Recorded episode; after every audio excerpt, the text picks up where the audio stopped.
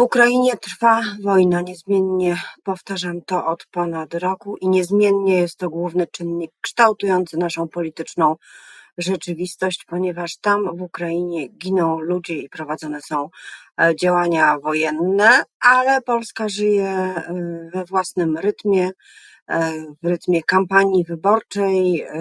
Zaczyna się nieco sytuacja klarować, ale jeszcze bardziej komplikować. Solidarna Polska zmienia nazwę na suwerenną Polskę, a PSL z Polską 2050 trzyma na Hołowni, zawiązują oficjalną współpracę. Wszystko to w perspektywie oczywiście wyborów e, październikowych i o tym, jakie te wybory budzą e, niepokoje w Europie, już za chwilę będę rozmawiała z moim gościem. Zuzanna Dąbrowska, dzień dobry. A moim gościem jest poseł e, Lewicy Andrzej Szejna, wiceprzewodniczący Nowej Lewicy. Dzień dobry, panie pośle. Dzień dobry, pani dyrektor, dzień dobry państwu. Od razu wyjaśnię widzom i słuchaczom, że rozmawiamy w warunkach trochę polowych e, i scenerii podróżniczej Gardinor e, w Paryżu, dworzec północny i powrót z posiedzenia Rady Europy. Zgadza tak, się, także przepraszamy za, tak, tak. za tak, efekty tak, ewentualne. Tak, dodatkowe, przepraszam, ale tak wyszło. Y, jest Pan w drodze z posiedzenia Rady Europy. Y, ciała, które wielokrotnie krytykowało polski rząd za łamanie praworządności, często było tak, że to właśnie było miejsce, w którym ta krytyka była wyrażana w sposób otwarty, spontaniczny. No i chciałam zapytać, co teraz? Czy w perspektywie tego, że na jesieni w Polsce będzie głosowanie, e, posłowie Rady Europy, czy delegaci do Rady Europy e, z innych krajów niż Polska i Węgry wyrażają jakieś obawy, czy może nadzieję, że coś się zmieni? No tak, y, to, to jest y, dosyć smutna raczej konstatacja, którą wynoszę y, ze sobą do Polski po rozmowach z delegatami do Zgromadzenia Parlamentarnego Rady Europy ze wszystkich krajów członkowskich. Oczywiście Rosja została wykluczona, ponieważ przypomnę, że to są posłowie krajów członkowskich. Oni są wybierani w tych krajach tak jak ja, a potem stają się delegatami do Zgromadzenia Parlamentarnego, które zajmuje się dziś i przede wszystkim e, ochroną praw człowieka oraz monitorowaniem demokratycznych procesów czy braku demokracji w poszczególnych krajach mm, w Europie. I muszę powiedzieć, że wyrażono zostało wiele obaw. Na przykład taka obawa bardzo konkretna przez jednego z posłów, który mm, pracuje nad raportem w sprawie stanu demokracji w Polsce, że y, na przykład jeżeli wybory w Polsce wygra opozycja i będzie kształtować y, i starała się kształtować nowy rząd, E, a różnica, jeśli chodzi o ilość mandatów, będzie niewielka, no to przecież o wyborach w Polsce będzie orzekała Izba Kontroli Nadzwyczajnej Sądu Najwyższego, która wedle e, Rady Europy, wedle Zgromadzenia Parlamentarnego Rady jest nielegalna, tak? ponieważ siedzą tam sędziowie wybrani przez nielegalny KRS, więc może to być pokusą dla rządzącego Prawa i Sprawiedliwości, aby takie wybory, które będą dla nich niekorzystne, unieważnić. Mnie czasami też dziwiła takie dobre... Ten raport jest, przepraszam, Panie pośle, czy ten raport jest opublikowany? Czy y, polska opinia publiczna będzie się mogła z nim zapoznać? On będzie, on będzie opublikowany, ponieważ w Polsce odbyła się w marcu misja, y, tak zwany fact-finding mission Rady Europy, y, gdzie rozmawiano i z, koalicją PiS, i z opozycją. No i wyciągnięto wnioski, że niewiele się ta sytuacja do przodu posunęła. Natomiast oficjalny raport będzie wkrótce. Yy, I ja chcę powiedzieć, bo może to nie wybrzmiała w Polsce, ale mm, pod rządami Prawa i Sprawiedliwości Polska jest jedynym krajem, co do którego została wszczęta całkowita, pełna, jakby się mówi, procedura yy, badania praworządności, badania yy, tak zwanych credentials, bo uznaje się, że właśnie Polska jest krajem najbardziej w tym kwestii zagrożonym. A co to znaczy w praktyce, dla, w perspektywie wyborów jesiennych, to co ta procedura oznacza? To dla, dla oczywiście Prawa i Sprawiedliwości, jak zauważyłem, nie oznacza nic, bo Prawo i Sprawiedliwość robi sobie po prostu żarty i z Trybunału y, Sprawiedliwości Unii Europejskiej i z Europejskiego Trybunału Praw Człowieka, no ale w praktyce może to oznaczać, że zostaniemy już całkowicie uznani za kraj niepraworządny. W kontekście Unii Europejskiej, no to jakby to jest odrębny temat. Może to oznacza wstrzymanie środków unijnych. No ale jeżeli Europejski Trybunał Praw Człowieka z kolei uzna na przykład, że sędziowie, że, że nie ma praworządności, że sądy nie są niezawisłe, niezależne, zresztą uznał w kontekście na przykład pana sędziego Muszyńskiego, to może się okazać, że w którymś momencie ktoś złoży wniosek o to, aby zawiesić Polskę, tak jak Rosję, w prawach, jeśli chodzi o Radę Europy, że, że, że, będzie pełna obstrukcja, jeśli chodzi o Unię Europejską. To się może stać. Natomiast y, y, ja powiem Pani tak, bardziej mm, jeszcze na tym etapie mnie martwi upadek całkowity prestiżu Polski, bo oczywiście po wybuchu wojny w Ukrainie było wiele gestów szczerej pomocy, radości, wyciągniętych rąk, ale to nic nie zmienia, że te relacje, czy to z Unią Europejską, czy na właśnie forum y, y, Rady Europy, są takie same. To znaczy, dzisiaj Europa, Ukraina potrzebuje Polski. Y, polskie społeczeństwo stanęło na wysokości zadania i tutaj wiele słów podziękowania, czy to w Unii Europejskiej, czy to właśnie w Zgromadzeniu Parlamentarnym Rady Europy pada, ale powiem tak, zadam takie pytanie otwarte, które odpowiedź jednoznaczna, czy Ukraina i Unia Europejska będzie potrzebować Polski, czy Polska będzie atrakcyjna dla Polska, która jest niepraworządna. No nie, no nie. I to są takie rzeczy, które wybrzmiewają. To jest z jednej strony podziw dla polskiego społeczeństwa, a z drugiej absolutne przekonanie, że, że Polska dzisiaj poza Węgrami jest krajem, y, można powiedzieć, y, najbardziej podejrzanym o łamanie praworządności, a nawet te fakty zostały w orzeczeniach y, wymienionych przeze mnie Trybunałów stwierdzone.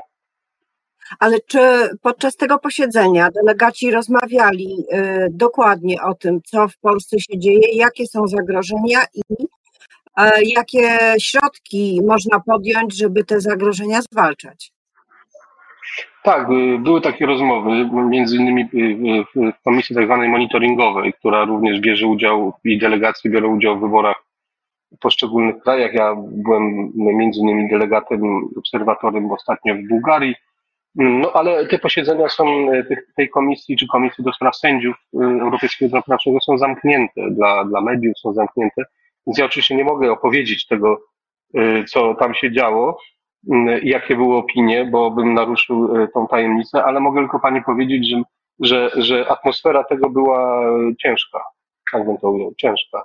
Dla, ciężka dla, dla polskiego rządu, ciężka dla Polski? Tak, tak, tak. I więcej nie powiem, dlatego że dlatego że szanuję, szanuję to, to co, do czego się zobowiązałem jako członek tych dwóch ważnych komisji.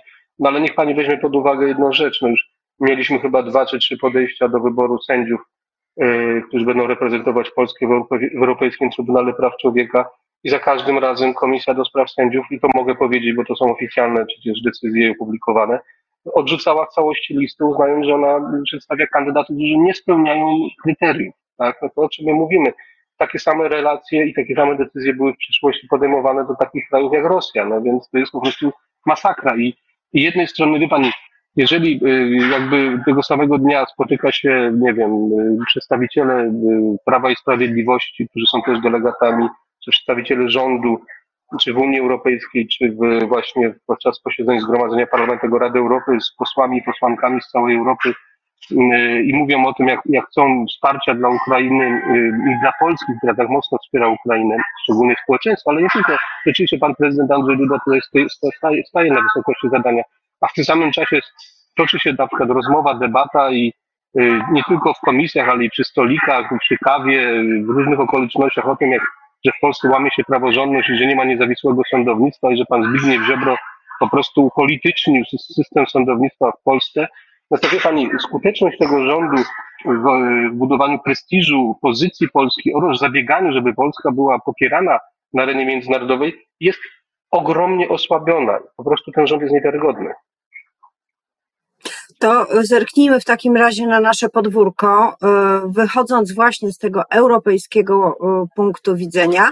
Zmiana nazwy partii Zbigniewa Ziobry z Solidarnej Polski na Suwerenną Polskę. Czy Pana zdaniem oznacza to, że będzie to partia, która otwarcie będzie dążyć do wyjścia z Unii Europejskiej? No postawienie na suwerenność jako główną wartość w odróżnieniu od tych państw, które godzą się na oddanie części suwerenności w ramach Unii Europejskiej, no to może być, być e, zapowiedź tego, że będziemy mieć taką właśnie partię na scenie, politycz- na scenie polskiej scenie politycznej.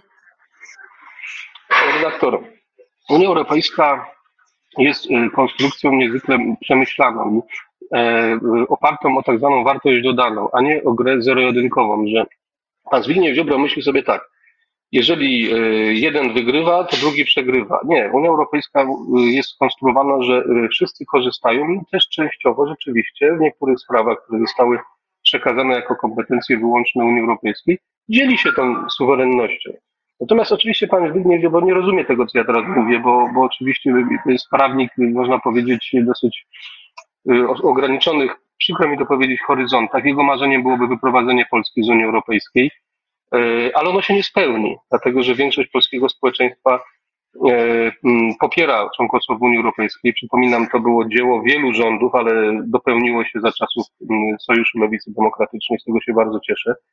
E, ale podkreślam, dzieło wielu mądrych rządów, również tych przed nami e, i, e, i, i Aleksandra Kwaśniewskiego i też za jego kadencję to dopełniło.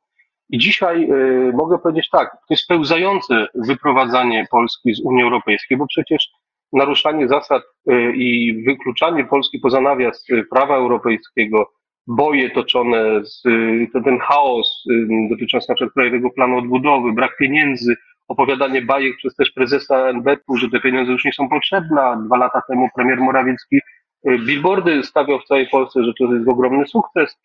Y, powoduje, że rzeczywiście myślę, że Zbigniew Ziobro chce jako jeden ze swoich głównych y, punktów programu postawić może nie wyartykułowaną do końca, ale koncepcję wyjścia Polski z Unii Europejskiej. I on tu konkuruje tym szaleństwie, bo inaczej się tego nie da określić, z Konfederacją. Dzisiaj będziemy mieli takie dwie, dwa ugrupowania. To będzie Konfederacja i będzie Zbigniew Ziobro, które będą walczyć o głosy y, części elektoratu antyeuropejskiego, w mojej ocenie elektoratu, który paru rzeczy na temat historii, na temat teraźniejszości i, i, i pewnych projektów przyszłości nie doczytał i dlatego chcę głosować tak jak, y, tak jak widzimy w niektórych wypowiedziach. A czy to Pana zdaniem e, podkręcenie e, stanowiska Solidarnej Polski, jeszcze Solidarnej Polski, e, także dzięki i poprzez zmianę nazwy, jest metodą walki z Konfederacją? PiS się Konfederacji boi, szczególnie, że notowania Konfederacji ostatnio wzrastają. Myślę, że tak, dlatego że Konfederacja jest absolutnie antyeuropejskim ugrupowaniem, a więc w mojej ocenie osobistej też antypolskim.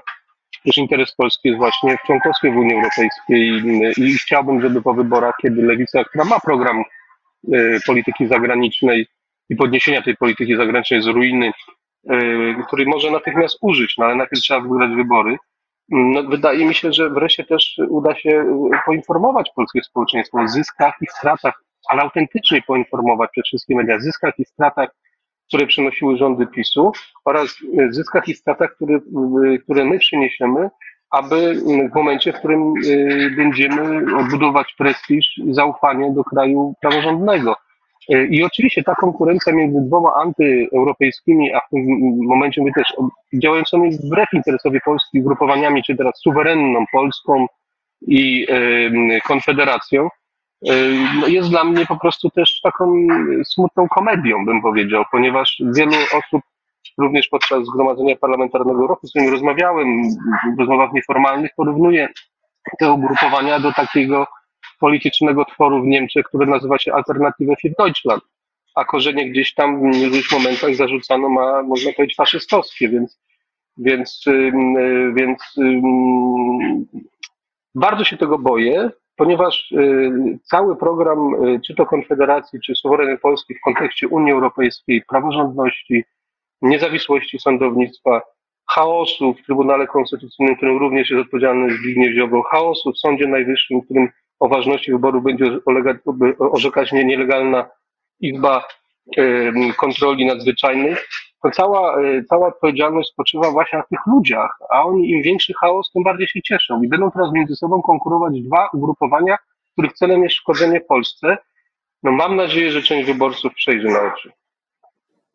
Bardzo dziękuję za tę analizę z e, perspektywy paryskiej w drodze ze Strasburga i posiedzenia Rady e, Europy. Moim był wiceprzewodniczący Nowej Lewicy, poseł Andrzej Szejna, który dziś ma też okrągłe urodziny. Wszystkiego najlepszego, panie pośle, i miłego dnia w Paryżu i wszystkich państwa miłego dnia. Dziękuję, dziękuję. Bardzo było miło z Państwem się spotkać, z Panią redaktor, szczególnie w dniu moich 50 urodzin. To poważny, poważny moment. Poważny, ale bardzo godny. Wszystkiego najlepszego.